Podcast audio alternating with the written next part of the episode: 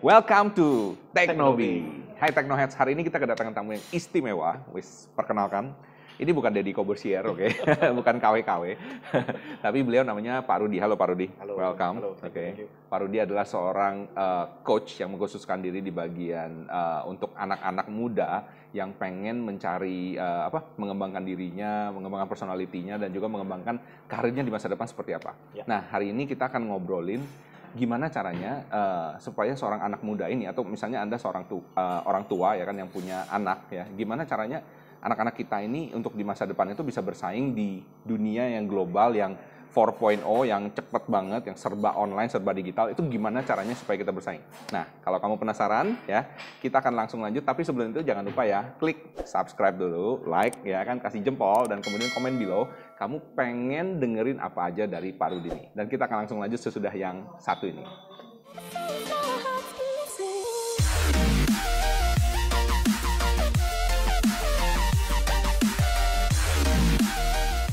Welcome back to Teknobi, masih bersama saya Michael Sugiarto. Hari ini ditemani oleh Pak Rudi. Halo Pak Rudi. Halo.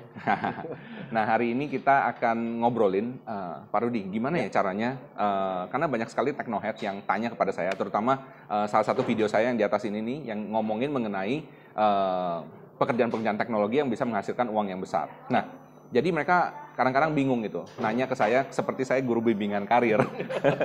Pak, saya mau ngambil jurusan ini bagus nggak Pak? Ya kan, nah, mau ngambil ini. Bahkan kadang-kadang orang tuanya nanyain buat anaknya gitu loh. Nah ini kebetulan ada pakarnya, kita langsung nanya langsung ya. Apa aja sih yang diperlukan oleh seorang anak muda di zaman sekarang ini, ya kan, untuk bisa eh, membangun karir atau membangun apa, membangun bisnis lah ya, entrepreneur gitu Hmm. di zaman yang serba digital dan online ini. Ya. Oke, Hmm. mungkin sebelumnya bisa perkenalkan diri sendiri dulu ya, Ya. Pak Rudi ya. Halo Teknobi, gitu kan ya. Jadi eh, nama saya Rudi, saya seorang guru dan pendidik ya.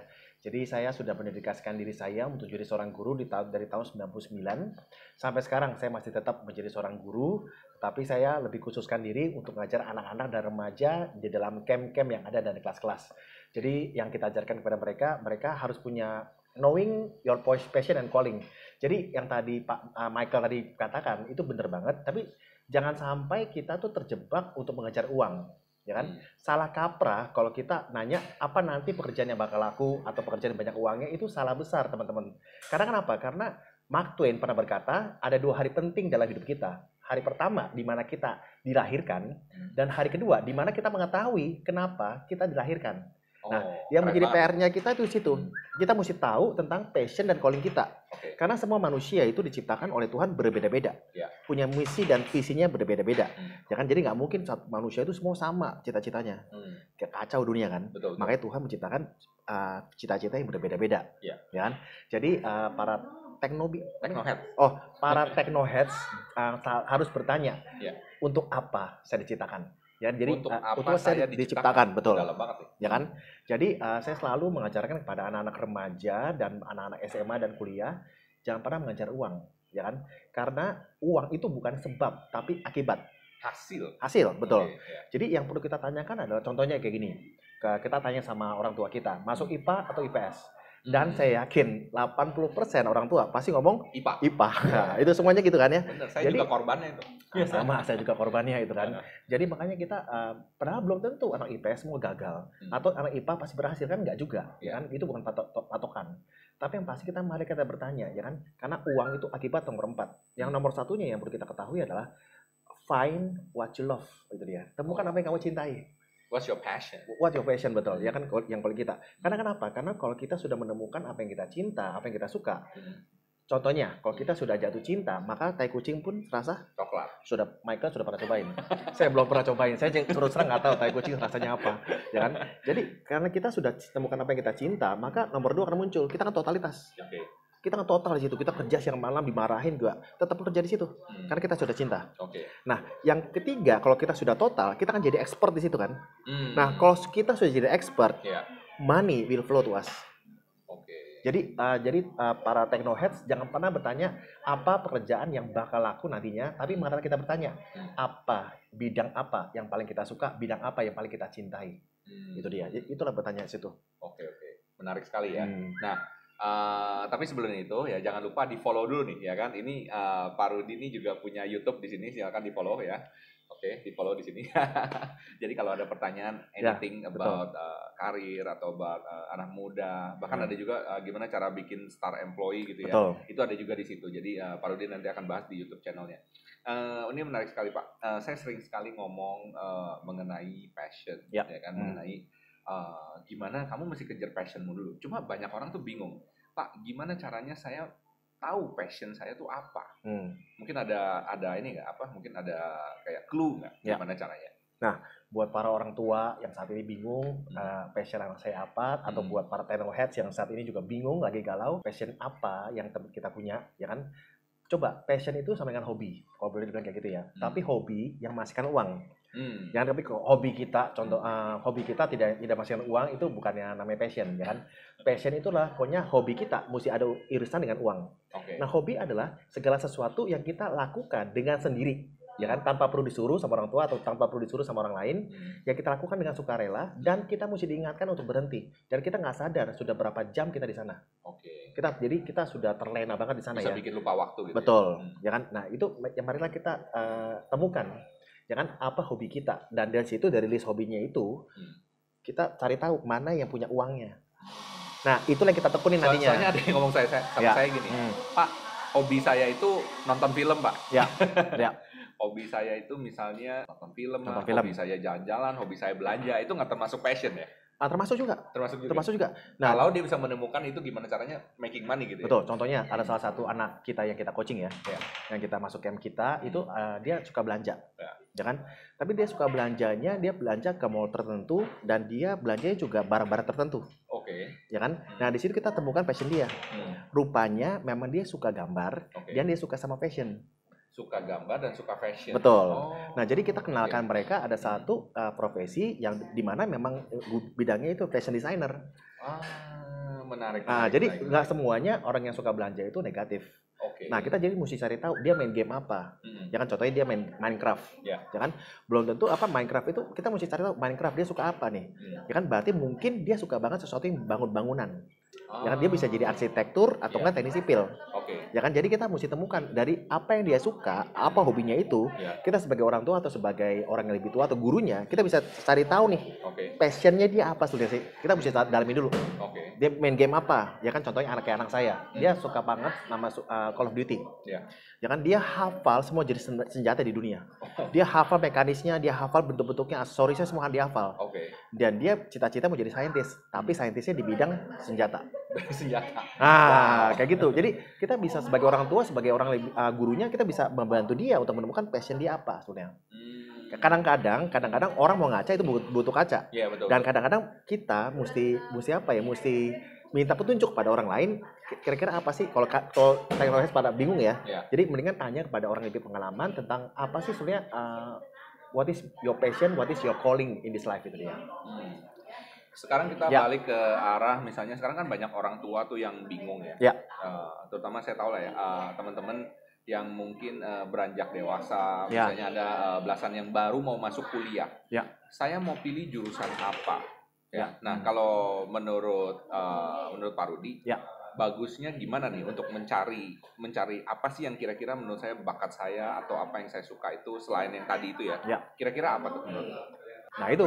Ya ya marilah kita selalu bertanya ya kan? Apa yang kita suka? Kalau memang teman-teman suka banget dunia teknologi ya kan? Ya. memang kalau teman-teman suka banget dunia misalnya katakan public speaking ya kan?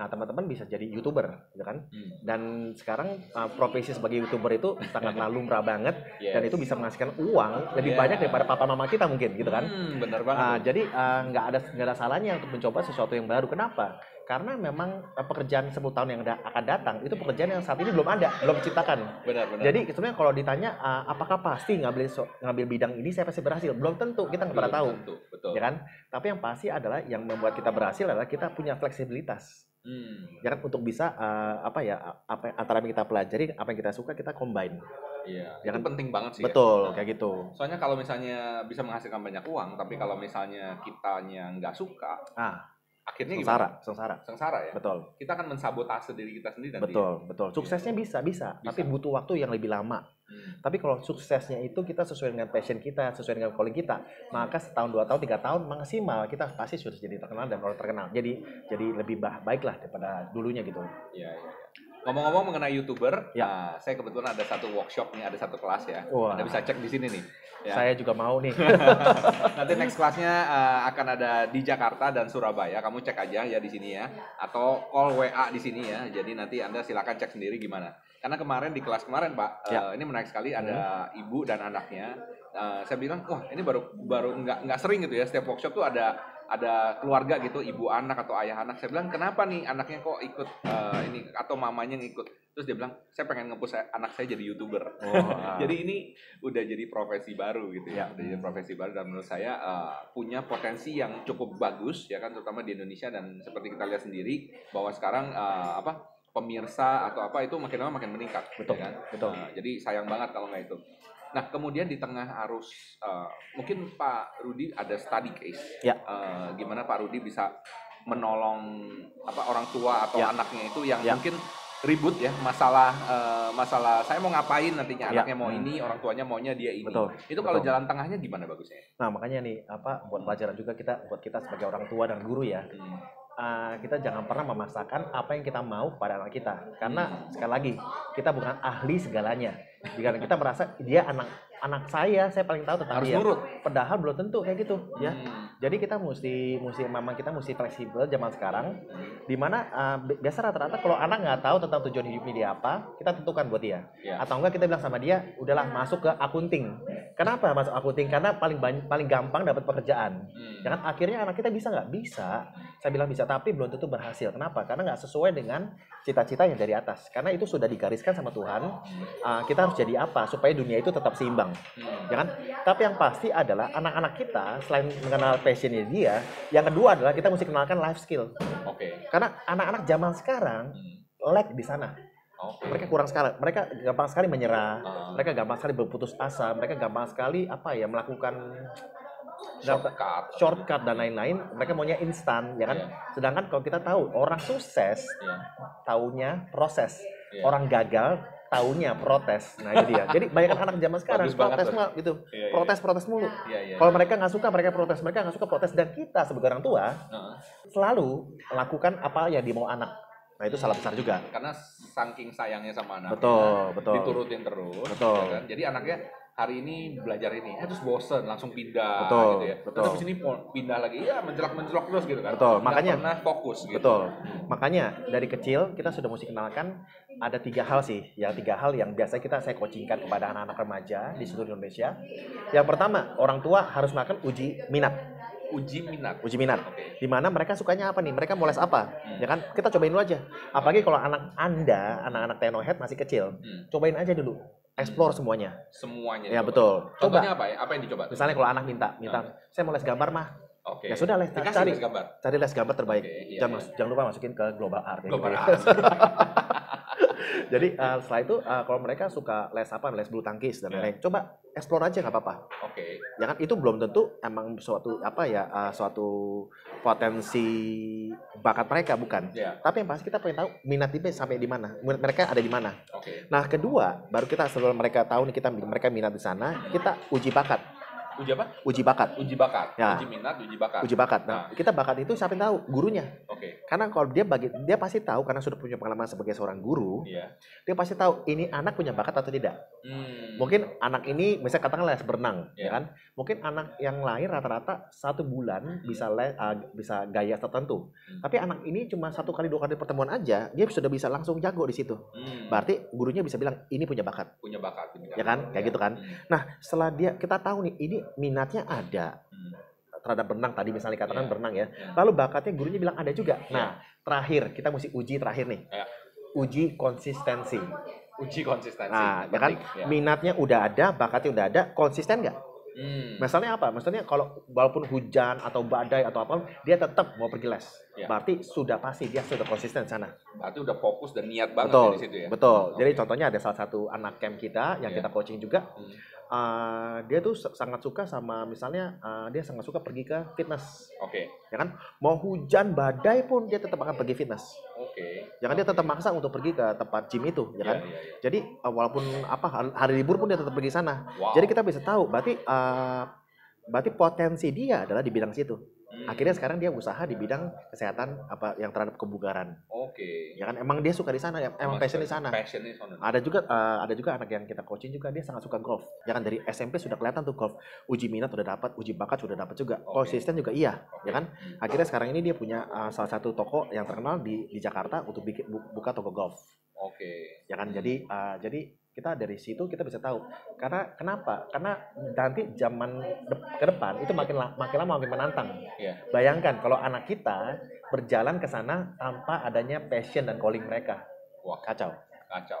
Ya. Karena kenapa? Karena persaingan mereka bukan hanya anak-anak dari Indonesia, Iya. tapi persaingan mereka yang akan mereka hadapi adalah anak-anak dari seluruh dunia yang akan datang ke Indonesia, betul. Iya. Belum lawan AI nanti. Nah, itu dia. Lebih AI parah lebih lagi, lebih parah ya lagi. kan? Nah, Kayak gitu.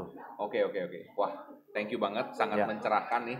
Eh, semoga Technoheads bisa belajar sesuatu ya hari ini ya. Kalau kamu masih penasaran ya follow aja langsung YouTube-nya, ya kan. Instagramnya juga ada ya di sini ya. Instagram, Oke, Instagramnya Instagram, di sini. Oke, tinggal di follow aja. Hmm. Kalau ada tanya apa apa silakan tanya di situ ya. Nah, eh, semoga hari ini eh, pertemuan kita berguna ya kan. Eh, saya ucapkan salam sukses Pak. Ya. Oke, semoga apa yang dikerjakan Pak Rudi semuanya berhasil. Sekali lagi buat teman-teman Technoheads, jangan lupa untuk klik subscribe, like dan komen below ya. Tanya anything ya kan about apa yang kamu dengar hari ini ya kan, baik suka ataupun nggak suka. Oke, nah sampai jumpa. Salam sukses spektakuler.